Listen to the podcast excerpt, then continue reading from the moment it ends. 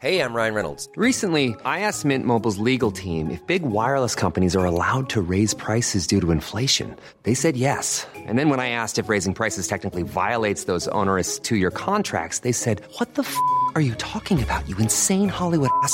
So to recap, we're cutting the price of Mint Unlimited from $30 a month to just $15 a month. Give it a try at mintmobile.com slash switch. $45 upfront for three months plus taxes and fees. Promo rate for new customers for limited time. Unlimited more than 40 gigabytes per month. Slows. Full terms at mintmobile.com. Hey, it's Ryan Reynolds, and I'm here with Keith, co star of my upcoming film, If, only in theaters, May 17th. Do you want to tell people the big news?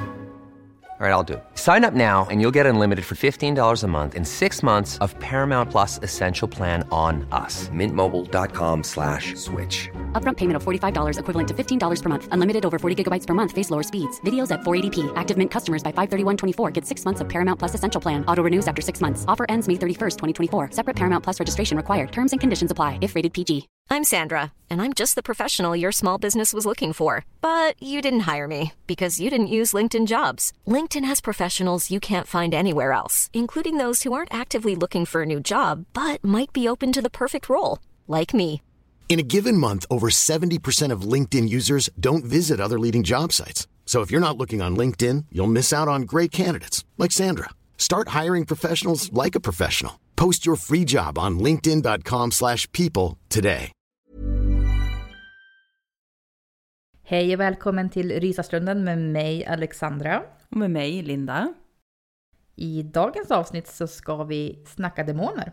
Ja, och alltså när jag hör demon, alltså ordet demon, då förknippar i alla fall jag det med ondska och någonting farligt. Och jag tänker att det är ju faktiskt lite så som demoner har målats upp. I alla fall jag menar, av det kristna samhället som vi lever i. Eh, Men framförallt kanske också av eh, alltså media, hur demoner målas upp i skräckfilmer. Som till exempel eh, The Exorcism, eh, The Conjuring, Ouija, Origin of Evil, The Omen och The Exorcism of Emily Rose och så vidare.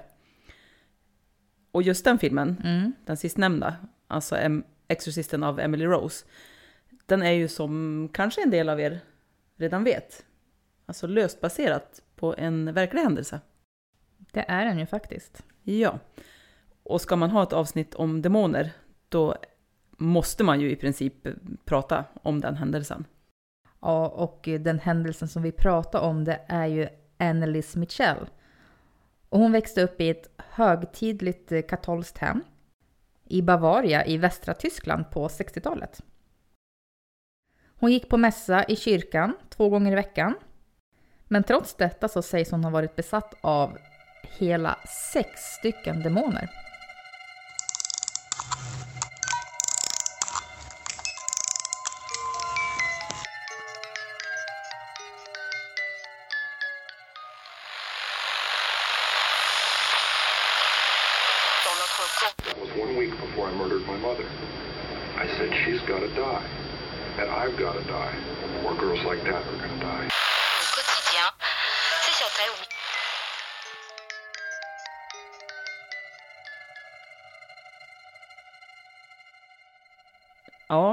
När Annelise var 16 år så fick eh, Annelise någon typ av anfall.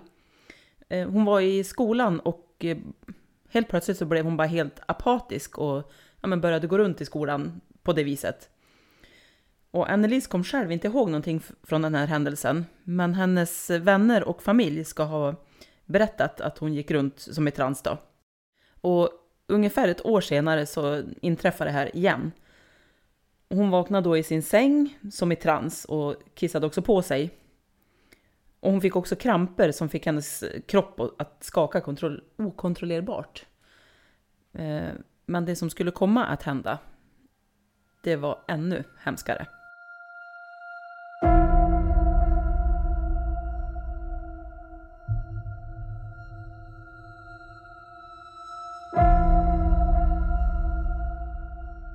Efter den här andra incidenten, då hon kissade på sig i sängen, så uppsökte faktiskt Annelies en neurolog som gav henne diagnosen temporallobsepilepsi. Och den diagnosen kan då ge anfall. Eh, Den kan ge minnesförlust och syn och hörselhallucinationer. Ja. Och den kan också orsaka det så kallade Geschwind-syndromet. Okej. Mm, och det kännetecknas av att man blir hyperreligiös. Jaha. Ja. Eh, och man ska då bli så intensivt religiös att det påverkar ens normala funktioner.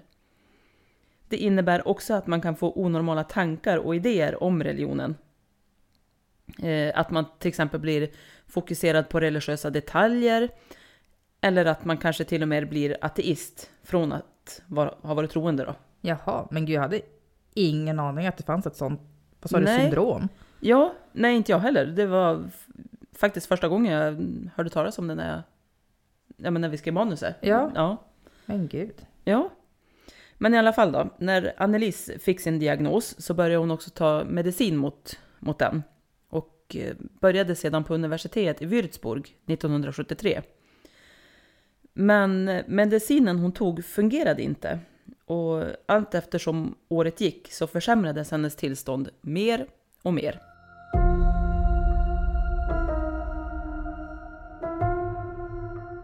Trots att hon tog sin medicin så började Annelies tro att hon var besatt av en demon och att hon behövde hitta hjälp bortanför med medicinen. Mm, så utöver medicinen så behövde hon mer hjälp. Ja, exakt.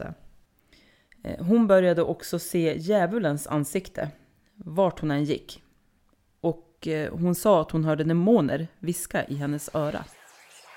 Annelies var ju som vi sa högt alltså, troende, Mm. kristen.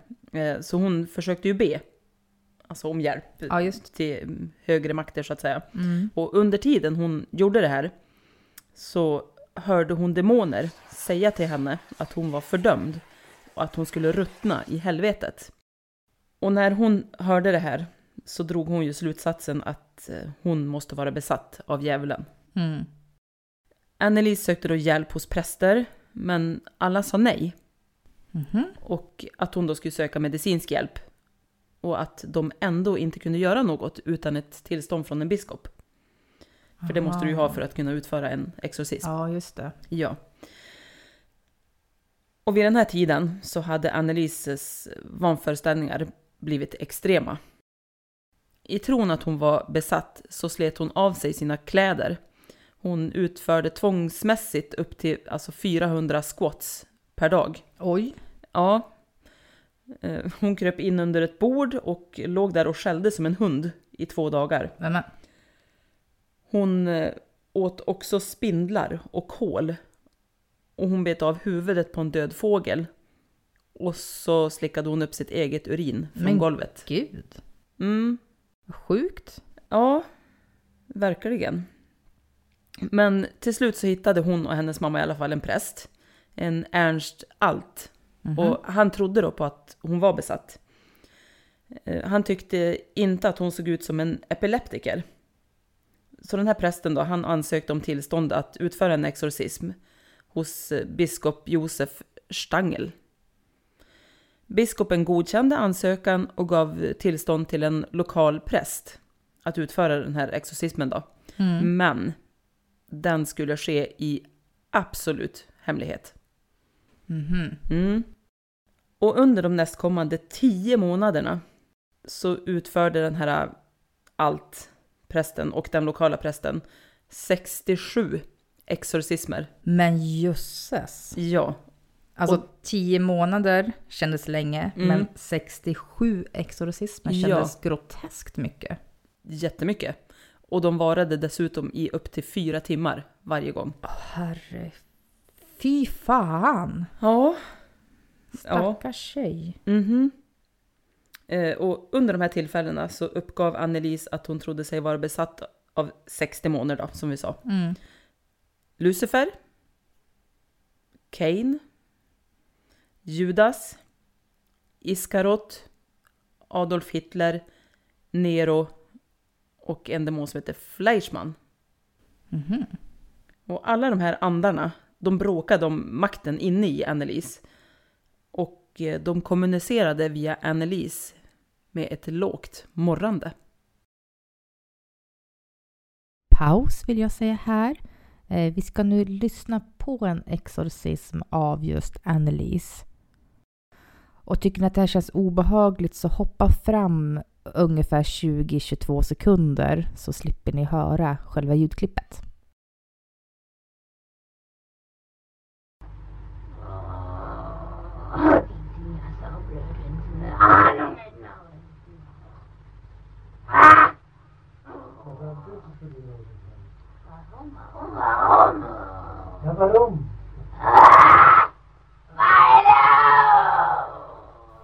Men gud vilka läten. Mm. Ja, alltså det låter ju inte ens mänskligt. Nej, alltså det lät ju väldigt alltså djuriskt. Ja. Ja, det, ja, väldigt otrevligt. Att Ljud. man kan alltså få fram de där ljuden. Mm. Ja, Gud vad sjukt. det, ja, usch. Låter inte alls något trevligt. Nej, fy. Men ja, vi går vidare. Annelies bad ju också under, alltså kontinuerligt under de här exorcismtillfällena. Och alltså hon bad så mycket så att alltså till slut bröts hennes ben och senorna i hennes knän gick av. För att alltså hon fick ju hela tiden gå ner på knä för att be då. Men- Då ber man mycket. Då ber man jättemycket, alltså jag blev alldeles mållöst. Ja, man blir ju det. Hur ens möjligt, alltså att bryta benen för att du ber? Mm. Ja, jag förstår inte. Men hon gjorde 400 squats om dagen, hon borde kunna gå upp och ner. Ja, man knä. tycker det. Men långsamt slutade hon i alla fall också att äta. Och till slut så dog hon faktiskt av närings och vätskebrist den 1 juli 1976. Och hon blev faktiskt bara 23 år gammal. Det var inte mycket. Nej.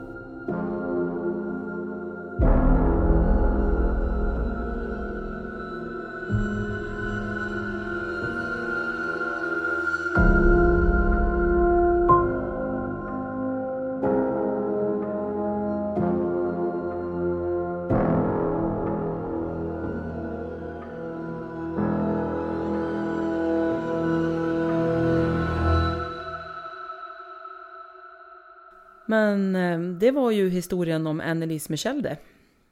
Och frågan är ju om Annelies faktiskt var besatt av sex andar eller demoner. Eller om hennes tillstånd bara var ett resultat av hennes diagnos. Mm. Mm. Det är ju inte alltså, helt ovanligt att man när man mår psykiskt dåligt, tänker jag, också säger att man plågas av inre demoner. Nej, det känns som ett ganska normalt uttryck, eller på att säga, alltså ett välanvänt uttryck. Ja men exakt, ja. Och ja, hur vet man egentligen? Eller ja, hur visste de? Att det är demoner och inte ja, men någon, en människa som mår psykiskt dåligt. Mm. Ja. Rätt otäckt på något vis. Men väldigt otäckt. Ja, men i alla fall så, alltså både Annelies föräldrar och de här prästerna, de blev ju åtalade för vållande till annans död. Eh, alltså typ att den neglekt som Annelies hade utsatts för under Mm. exorcismen, att det då hade lett till hennes död. Just det. Och prästerna de dömdes till sex månaders fängelse. Men hennes föräldrar fick inget straff, för det ansågs ju att de hade lidit tillräckligt redan. Ja, just det. Alltså det är som lite tudelat det där också kan jag tycka att man vet ju inte, var hon besatt eller var hon inte besatt? För de försökte ju ändå hjälpa henne. Ja, men precis. Sen- Ja. Var det väl väldigt groteskt det här med 10 månaders ja, exorcismer och 67 stycken exorcismer. Ja, men samtidigt är man så övertygad i sin tro att Ja, någon är besatt, ja men då gör du väl allt för att hjälpa. hjälpa, den personen.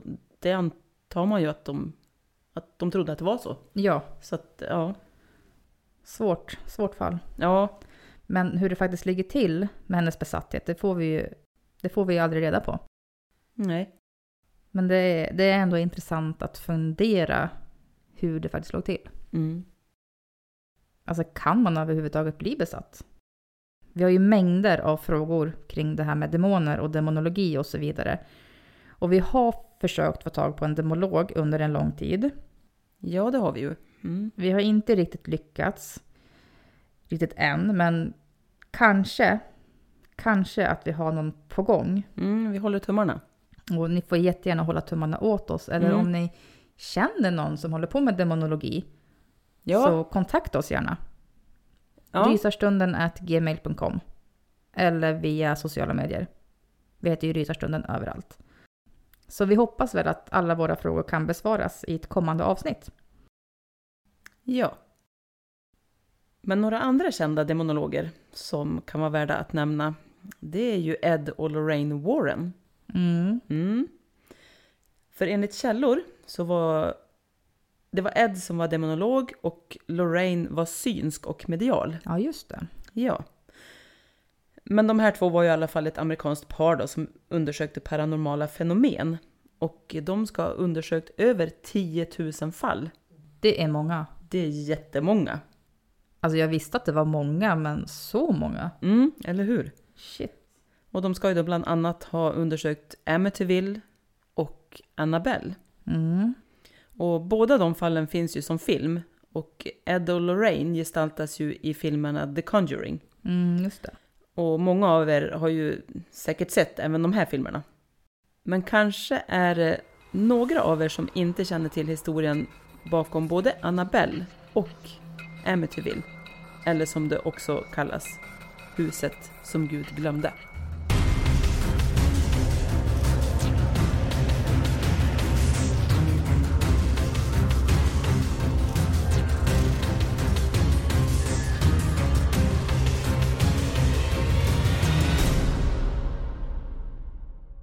År 1970 gick en kvinna in i en butik för att köpa en födelsedagspresent till sin dotter, som för tillfället bodde i en liten lägenhet tillsammans med en kompis. De båda kompisarna studerade båda två till sjuksköterskor. Och mamman då, hon fastnade för en docka, en så kallad Raggedy Ann-docka. En Raggedy Ann-docka är en figur i en barnbokserie skapad av författaren Johnny Guell. Och hon ser ut som en, ja, men en trasdocka. Och i samband med att första boken släpptes så släpptes även en docka. En Raggedy Ann-docka, helt enkelt. Bild på den kan ni se på våra sociala medier. Eller ni som lyssnar via Youtube kommer se den nu direkt. Och dottern då som fick den här dockan, Donna hette hon, hon eh, blev jätteglad och uppskattade den här dockan jättemycket och placerade den i sängen som prydnad. Men inom bara några dagar så upptäckte Donna och hennes rumskamrat Angie att det var någonting som var konstigt med den här dockan. Den verkar röra sig av sig själv. Och till en början var det bara små rörelser. Den kunde till exempel ligga på ett annat sätt än eh, som Donna hade lagt den på innan. Och allt eftersom tiden gick så blev det bara värre och värre och värre. Ibland när Donna och Angie kom hem efter skolan kunde de hitta dockan i ett helt annat rum än, när, än eh, den de lämnade den i. Ibland satt dockan i soffan i vardagsrummet med armarna och benen i kors. Och ibland stod den upp och lutade sig mot en stol i matsalen. Donna placerade ofta dockan i soffan innan hon gick ut för, att, för dagen för att sedan hitta dockan i sängen när hon kom in igen. Och som att det inte var nog att dockan kunde röra sig. Dockan kunde även skriva.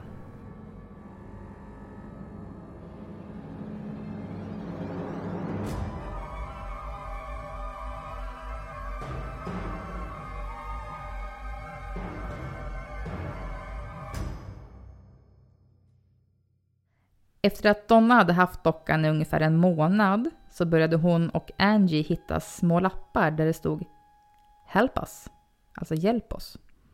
Och Help Lou, hjälp Lou.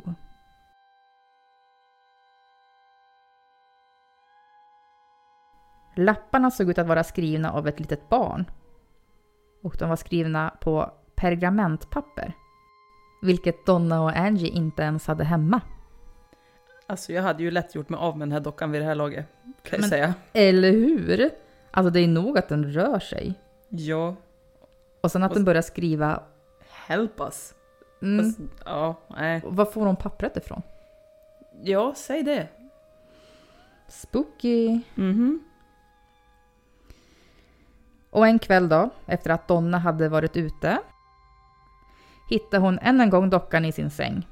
Trots att hon hade placerat den i soffan innan hon gick ut.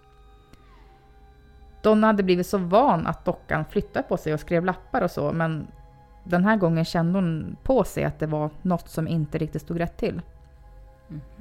Hon undersökte dockan och hittade vad som såg ut som små bloddroppar på dockans händer och på bröstet. Donna blev rädd då hon inte kunde förstå var dropparna kom ifrån. Och hon sökte då därför hjälp av en expert. Okej. Det var så dags nu liksom. Ja. Experten visste inte var de skulle vända sig så de kontaktade ett medium och höll sedan en seans. Och under seansen fick de kontakt med en ande som, het, som hette Annabelle Higgins. Mediet berättade att eh, Annabelle Higgins var en flicka som hade bott i området innan lägenheterna byggdes. Och hon var bara sju år då hennes kropp hittades på ett fält där hyreshusen stod nu. Och Annabelles ande berättade för mediet att hon kände sig trygg hos Donna och Angie och att hon gärna ville vara kvar där för att få känna sig älskad. Mm. Donna kände ett medlidande med den här flickan och gav henne tillåtelse att inta dockan så att hon kunde stanna hos dem. Big mistake. Ja, samtidigt förstår jag dem om man bara tror att det är en liten sjuårig flicka Ja, på ett sätt. jo. Alltså då känns det ju inte skrämmande. Ja, fast det sa vi väl i något avsnitt sen att det finns väl inget mer creepy än typ döda barn som går igen. Sant! Det hade jag glömt bort. Ja. My mistake. Men du förstår vad jag menar. Alltså Ja. det, jag förstår dem på ett sätt. Att Jo, ja, men var kvar där i dockan då. Det var inte något mer creepy än att stackars lilla barn, det är klart att du ska få en. jag känner dig älskad och sådär. Ja, jo. Men ja. Ja, jag får, jag får slå på mina egna fingrar här. Men big mistake ja. Vi vet ju alla egentligen vad som kommer hända. Mhm. Och inom kort så upptäckte Donna och Angie att Annabelle inte var den hon sa sig vara. Och det här var ju inget vanligt fall. Och Annabelle var ju som sagt heller ingen vanlig docka. Hey, I'm Ryan Reynolds. Recently, I asked Mint Mobile's legal team if big wireless companies are allowed to raise prices due to inflation. They said yes. And then when I asked if raising prices technically violates those onerous two year contracts, they said, What the f are you talking about, you insane Hollywood ass? F- So to recap, we're cutting the price of Mint Unlimited from $30 a month to just $15 a month. Give it a try at mintmobile.com slash switch. $45 upfront for three months plus taxes and fees. Promo rate for new customers for limited time. Unlimited more than 40 gigabytes per month. Slows. Full terms at mintmobile.com. I'm Sandra, and I'm just the professional your small business was looking for. But you didn't hire me because you didn't use LinkedIn jobs. LinkedIn has professionals you can't find anywhere else, including those who aren't actively looking for a new job but might be open to the perfect role, like me. In a given month, over 70% of LinkedIn users don't visit other leading job sites. So if you're not looking on LinkedIn, you'll miss out on great candidates like Sandra. Start hiring professionals like a professional. Post your free job on linkedin.com/people today.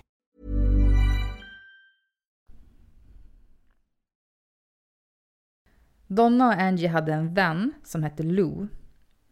Och Lou hade varit med vid tillfället då Donna fick den här dockan.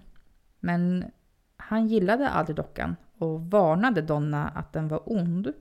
Och han sa att hon genast borde göra sig av med den.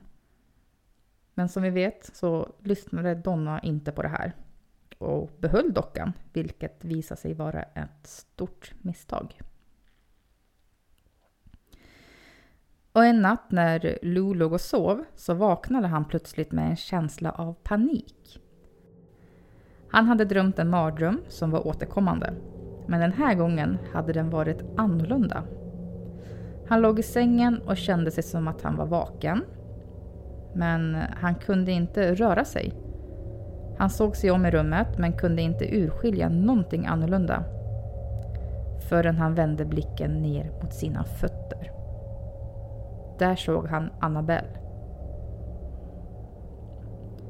Dockan började långsamt att glida upp för Los ben och upp för bröstet. För att sedan stanna till. Dockan började sedan strypa Lo. Och Lo blev som paralyserad och kunde inte andas och precis när han var på väg att kvävas så svimmade han. Nästa morgon vaknade Lo övertygad om att det här inte hade varit en dröm och bestämde sig därför för att göra sig av med dockan och vad som än befann sig inuti den. Men han skulle råka ut för Annabelle ännu en gång.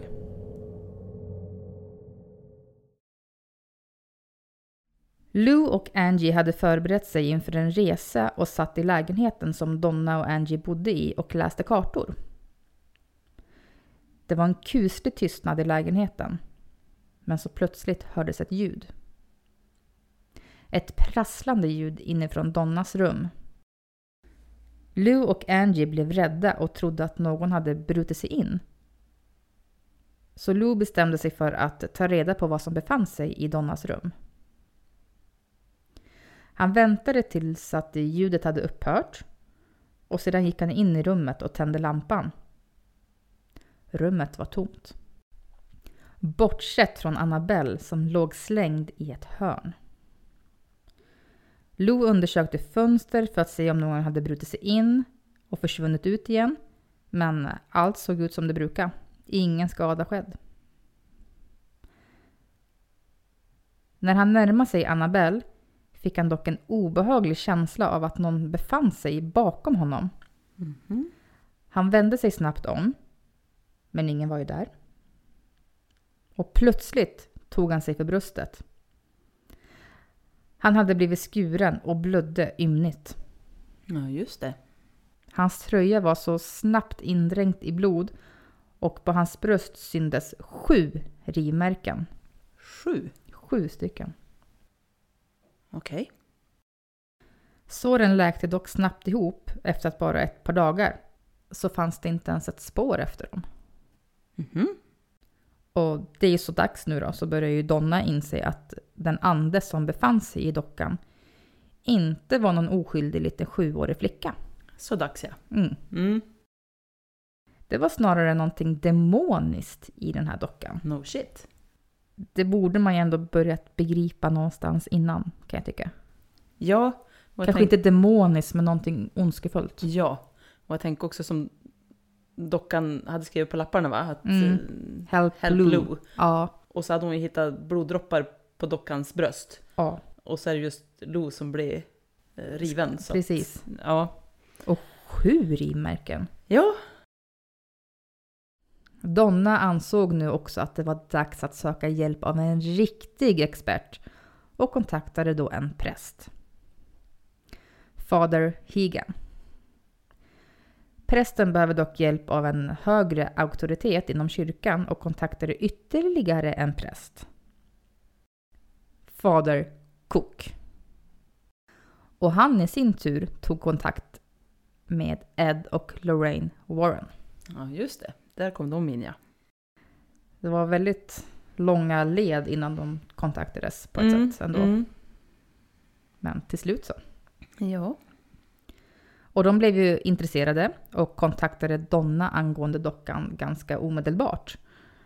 Och efter att ha pratat med Donna, Angie och Lou så drog makarna Warren slutsatsen att dockan i sig inte var besatt. Den manipulerades av ett grymt, icke-mänskligt väsen. Aha. Andar intar inte hus eller leksaker, de intar människor. Däremot kan ett grymt, icke-mänskligt väsen inta hus eller föremål. Och i det här fallet då dockan. Och det väsen som intog Annabelle-dockan gjorde det för att skapa en illusion av att dockan levde. Målet var dock inte att stanna kvar i dockan. Målet var att hitta en mänsklig värld. Mm -hmm. I slutet av utredningen som makarna Warren gjorde så kontaktade de fader Cook, den högre auktoriteten i kyrkan, för att få hjälp att utföra en exorcism i lägenheten. Okej. Okay. Och Cook var inte helt bekväm med att utföra ritualen men eh, han gick med på det ändå. Och makarna Warren de var helt övertygade om att väsendet inte skulle besvära någon igen när ritualen var över. Och exorcismen den gick bra och på Donnas begäran tog makarna Warren med sig dockan när de lämnade lägenheten. De placerade sedan dockan i en speciell monter på ett museum där den fortfarande sitter idag. Ja, ah, just det. Och det är väl det man ser i filmen? Ja, precis. Annabelle. I det där skåpet. Ja, precis. I det där glasskåpet. Mm. Eh, dock så ser ju inte Annabelle-dockan likadan ut som i filmen. Nej, exakt. Nej, det är ju en annan docka. Mm. Ja. Jag tror dock att hade de använt en, en riktig Raggedy Ann-docka hade den nog blivit ännu mer skrämmande. För nu känns den, tycker jag i alla fall, väldigt tillgjord. Den ser ju väldigt läskig ut. Ja. Alltså själva dockan som de använder. ja, jag kan hålla med att det blir lite... Lite too much. Ja, men precis. Ja, För Raggedy Ann-dockan i sig men den ser ju oskyldig ut. Ja, Fast ändå, ja. precis. Alltså den, den, den har ett, ett annat, jag vet inte hur jag ska förklara det, men ett, ett, annat uttryck i sig. Ja, Den ska ju vara snäll och oskyldig och gullig och... Och så är den inte det. Nej, precis. Så jag tycker att... Jag tror att filmen hade blivit bättre om de hade använt en sån docka. mm. Eller en liknande sån docka. ja det tror jag. Men förutom att göra paranormala undersökningar i alla fall, så drev Lorraine Warren ett eh, museum. The Warrens Occult Museum. På baksidan av deras hus. I museet så kunde man titta på hemsökta föremål och artefakter från hela världen. Bland annat många av de mest kända artefakterna från deras utredningar. Museet är numera stängt, men det ägs av Ed och Lorraines dotter Judy Warren och hennes sambo, fästman eller make, jag vet inte om de är Nej. gifta eller bara tillsammans, eh, Tony Spera. Det är ju så synd att det är stängt. Ja, Alltså tänk alla de här föremålen. det vore häftigt om de öppnar upp det igen. Ja, då ska vi dit. Oh ja. Alltså på något sätt borde de kunna göra det... Kunna öppna det liksom och eh, göra det tillgängligt, Mm. men säkert, ja. tänker jag. I och med att det är ju säkert väldigt hemsökta föremål där. Mm. Mm.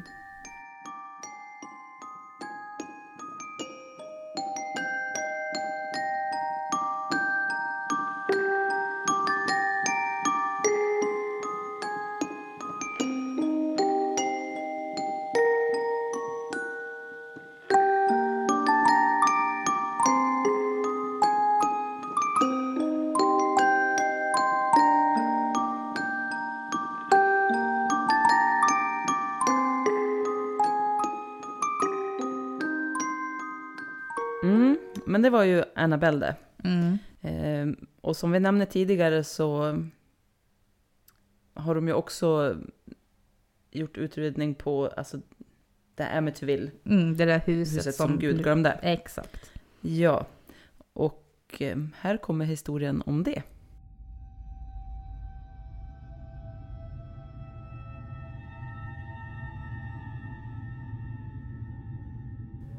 Onsdag den 13 november 1974 så kom Ronald DeFeo inspringandes på en bar i New York skrikandes att hans föräldrar hade blivit skjutna. När polisen kom till huset så hittade de sex av familjemedlemmarna döda i sina sängar. Föräldrarna och fyra av de fem barnen. Ronald påstod sig vara oskyldig till morden för han hade inte varit hemma vid det tillfälle de sköts, sa han. Just det. Han hade då kommit hem och hittat hela familjen döda och sen sprungit till baren. Polisen hittade dock lådan till ett gevär i Ronalds rum. Och eh, ja, men då erkände han att det var han som hade skjutit ihjäl sin familj. Okej. Ja. Eh, och han befanns då skyldig till morden efter en lång rättegång. och han dömdes till livstidsfängelse. Det har dock aldrig gått att förklara hur en ensam person helt på egen hand har kunnat ta livet av sex andra utan att någon hörde skotten från ett gevär som inte hade någon ljuddämpare. Och man förstod heller aldrig varför något av offren hade kämpat emot. Det är ju lite konstigt faktiskt. Alltså ett gevär låter groteskt mycket. Ja, det gör ju det. Och ingen hade kämpat emot. Nej.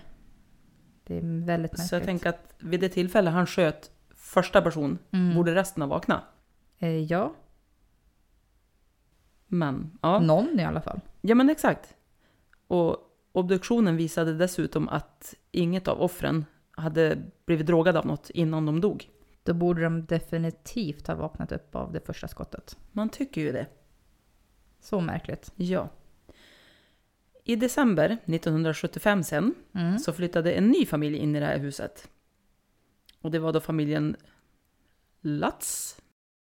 Och det hade då faktiskt bara gått 13 månader sedan mordet. Och den här familjen hade fått eh, köpa det här huset för ynka 80 000 dollar. Ett fynd, tyckte de. Väldigt nära att flytta in i ett hus. Där en hel Alltså- familj blev avrättad. Eh, ja, Ja, det kan jag i tycka. alla fall ett år efter. Okej om det har hänt jätte, alltså jättelänge sedan. Mm. Ja, Men ett år, ett år, ja. efter. ja, Det känns väldigt... jättenära. Ja. Mm. Men när de köpte det här huset i alla fall Mm. så hade de ju aldrig kunnat tro att de skulle lämna huset efter bara 28 dagar. Oj. Mm. Så de blev inte så långvariga där. Nej. Men i alla fall då, när familjen var där och packade upp så kom det förbi en katolsk präst. Och han kom då förbi för att välsigna huset. Mm. Och prästen hade då gått upp på övervåningen och befann sig i sovrummet som hade tillhört föräldrarna. Prästen hade då hört en röst som sa “Get out”, alltså försvinn. Vilket han lydde och gick genast därifrån. Förståeligt. Ja, men den här prästen sa ingenting om att han hade hört den här rösten. Nähä. Han varnade dock familjen om att inte använda det här rummet och uppmanade dem att inte låta någon sova där inne. Men såklart så lyssnade de inte på prästen och gjorde rummet till ett syrum. Alltså jag köper det att de inte lyssnade. Alltså varför... Vi har köpt ett hus. Varför kan vi inte använda det där rummet om man inte hade någon förklaring till det? Ja men exakt, det hade man ju velat ha Ja, i sådana fall. för hade han sagt att ja, men, det hördes någonting där inne, det, det, man kan hitta på någonting, det är farligt där inne, Ja, taket kommer rasa, vad som helst. vad som helst. Utan bara, nej, använd inte det där. Mm. Jag hade inte heller lyssnat, jag hade också gjort det till någonting. Ja men precis, och Men sen jag- vet man ju inte vad... De kanske inte var troende. Nej, exakt. Ja. Ja. Men i alla fall då, så redan under första natten i huset så började familjen känna obehag. Och inom endast några dagar så började familjemedlemmarnas personligheter att förändras. Mhm.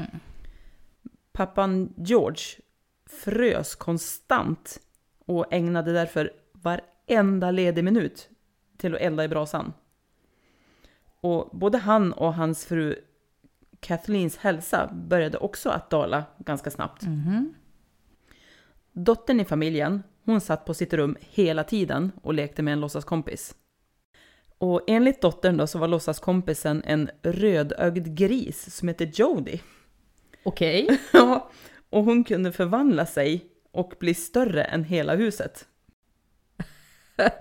Alltså jag har hört om barn som har låtsaskompisar, men Mm, en rödögd gris. ja. Och det var ju dessutom ingen annan som, eller ingen kunde se Jody om Jody själv inte ville visa sig. Såklart. Såklart. Ja, men utöver det här så började också konstiga dofter att dyka upp här och där i huset. Mhm.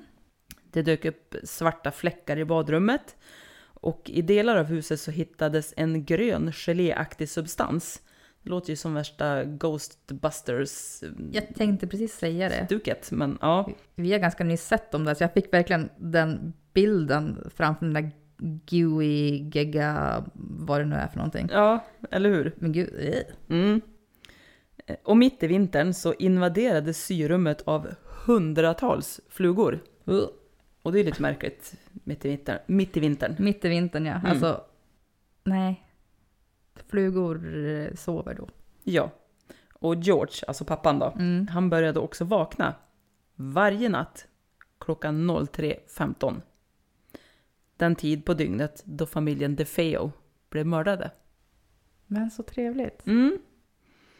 Och en natt så vaknade George och upptäckte att hans fru hade förvandlats till en 90-årig häxa. Och nästkommande natt började hon sväva ovanför sängen. Familjen försökte vid flertal tillfällen kontakta den präst som hade kommit dit för att välsigna huset. Mm. Men han gick inte att nå. Och då de inte fick tag i den här prästen så ja, men då tog de ju saker i egna händer. De greppade varsitt krucifix och så började de vandra omkring i huset samtidigt som de läste Fader vår. Och en kör med röster ska då ha hörts som bad dem sluta. Just det. Mm. Alltså, jag förstår dem. Alltså får man inte den där hjälpen av den som de visste av, alltså den där prästen då, Ja, då gör man väl vad sjutton man kan. ja, Men nej. fy fan vad obehagligt. Ja, men den sista natten i huset, ja men den blev ju också deras värsta. Ja. Oljud och smällar överallt. Möbler som flyttades och barnen i familjen blev terroriserade. Så efter att ha bott i huset i 28 dagar så klarar de helt enkelt inte mer. Nej, förståeligt. Ja, verkligen. De tog några få ägodelar och så flydde de ut ur huset hem till Kathleens mamma. Mm. Och efter ytterligare 20 dagar så kontaktades makarna Warren. Men familjen som hade bott där, de vägrade dock att någonsin sätta sin fot i det där huset igen. Under utredningen i huset så blev Ed Warren omkullknuffad då han använde religiösa symboler nere i källaren. Mhm. Och Lorraine, hon ska ha blivit överväldigad av en demonisk närvaro. Och eh, hon plågades också av bilderna av familjen DeFeos döda kroppar som låg utspridda på golvet med vita lakan över sig. Mm. Och paret, de eh, lyckades dock fånga en bild på vad som verkade vara anden efter en liten pojke på övervåningen i huset. Mhm. Och den här bilden ska ju gå att hitta på nätet. Och ska ju vara en av de mest eh, typ kända bilder på eh, ja, men ett spöke. Ja, just det. Ja, men då kan ni kolla in våra sociala medier. så ska vi försöka lägga upp det. Ja, Och på YouTube också då som sagt. ja, eller hur? Men man upptäckte också att marken som huset stod på hade använts vid utövande av svart magi för länge sedan. Mhm. Mm. Det kan ju förklara en del faktiskt. Ja. Så någonting måste det ju vara som Som hemsök Ja. det huset. Eh, och jag tänker att ja, men den här nya familjen, Mm. deras personligheter började förändras. Så varför skulle DeFeos personligheter inte också ha förändrats? Så att det kanske Exakt. var det som gjorde att men han sköt allihop. Ja. Eller, ja. Och som också gjorde att de inte vaknade av det här skottet. ja. Ja men någonting höll dem nere kanske. Eller något. Ja, vem vet? Ja, Mycket märkliga saker som vi förmodligen aldrig kommer få riktiga svar på. nej det kommer vi ju inte. Men också här intressant att diskutera. Ja, Och självklart så har ju Ed och Lorraine Warren utrett många, många fler fall. Men allt hinner vi ju inte idag. nej inte 10 000 fall. Eh, Då ska vi prata himla fort i så fall. Och Ja, jag kan ju prata ganska snabbt ibland, men så snabbt pratar nog inte ens jag. nej. Eh, Men som sagt, känner ni till någon demonolog som skulle kunna hjälpa oss besvara några frågor som vi har om de här demonerna och demonologi så får ni väldigt gärna skriva till oss. Mm, det vore ju guld värt.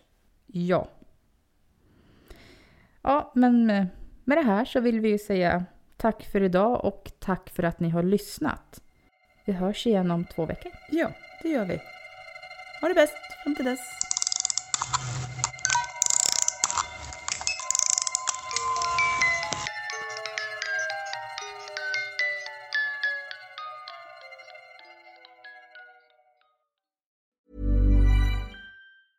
Hey, it's Danny Pellegrino from Everything Iconic. Ready to upgrade your style game without blowing your budget? Check out Quince. They've got all the good stuff shirts and polos, activewear, and fine leather goods, all at 50 to 80% less than other high end brands. And the best part? They're all about safe, ethical, and responsible manufacturing. Get that luxury vibe without the luxury price tag. Hit up quince.com slash upgrade for free shipping and 365 day returns on your next order. That's quince.com slash upgrade. Hey, it's Paige DeSorbo from Giggly Squad. High quality fashion without the price tag. Say hello to Quince. I'm snagging high-end essentials like cozy cashmere sweaters, sleek leather jackets, fine jewelry, and so much more. With Quince being 50 to 80% less than similar brands. And they partner with factories that prioritize safe, ethical, and responsible manufacturing. I love that. Luxury quality within reach. Go to quince.com slash style to get free shipping and 365-day returns on your next order. quince.com slash style. When you make decisions for your company, you look for the no-brainers. And if you have a lot of mailing to do, stamps.com is the ultimate no-brainer. It streamlines your processes to make your business more efficient, which makes you less busy. Mail checks, invoices, legal documents, and everything you need to keep your business running with stamps.com. Seamlessly connect with every major marketplace and shopping cart. Schedule package pickups and see your cheapest and fastest shipping options from different carriers with rates up to 89% off USPS and UPS rates. And with the stamps.com mobile app, you can take care of mailing and shipping wherever you are. Make the same no-brainer decision as over 1 million other businesses with stamps.com. Sign up with code program for a 4-week trial plus free postage and a free digital scale. No long-term commitments or contracts. That's stamps.com. Code program.